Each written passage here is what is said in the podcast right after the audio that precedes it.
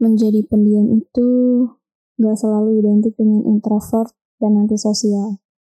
Tapi kebanyakan orang yang pendiam itu selalu dilabelin dengan introvert atau antisosial. Bahkan gak jarang suka dicat diam-diam menghanyutkan. Saya juga gak ngerti kenapa.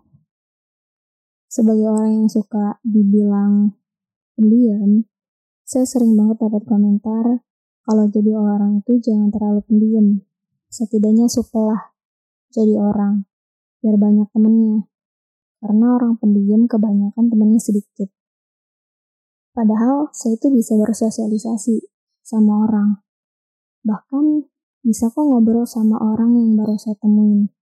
Tapi emang ada kalanya aja lebih seneng buat diem di kala kondisi tertentu. Kadang juga orang pendiam itu menghindari konflik apalagi kalau udah soal dua argumen. Bukan berarti orang pendiam itu nggak bisa diajak komunikasi atau brainstorming. Tapi kalau misalnya ketika kita berkomunikasi atau brainstorming, lalu ada aten, lalu ada atensi atau kecenderungan untuk berdebat.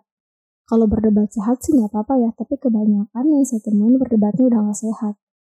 Kan jatuhnya lebih baik diem gitu daripada adu argumen yang ya sebenarnya apa sih yang didapat gitu? Kan lebih baik diem aja. Toh juga menghemat energi kan?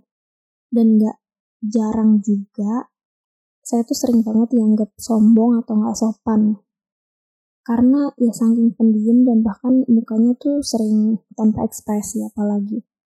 Nah kalau misalnya ketemu sama temen yang udah lama nggak kontekan terus tiba-tiba ketemu saya tuh kadang suka bingung kalau misalnya mau ngajak ngobrol karena bingung aja mau ngobrol apa ya gitu.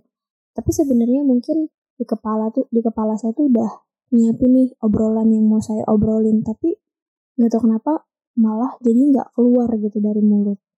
Ya sampai akhirnya diam dieman dan malah jadi awkward sendiri gitu. Lalu saya pernah juga coba untuk e, banyak ngomong, nggak pendiam seperti biasanya malah setelahnya saya menjadi menyesal karena tadi gue kok ngomong banyak banget ya misalnya hari ini.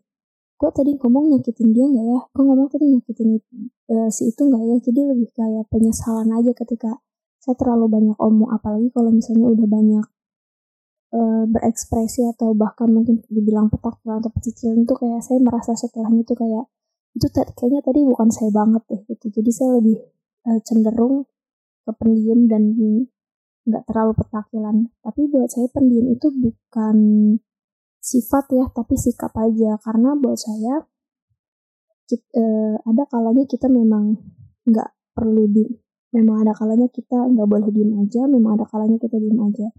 Jadi pendiam buat saya adalah bukan sifat tapi sikap.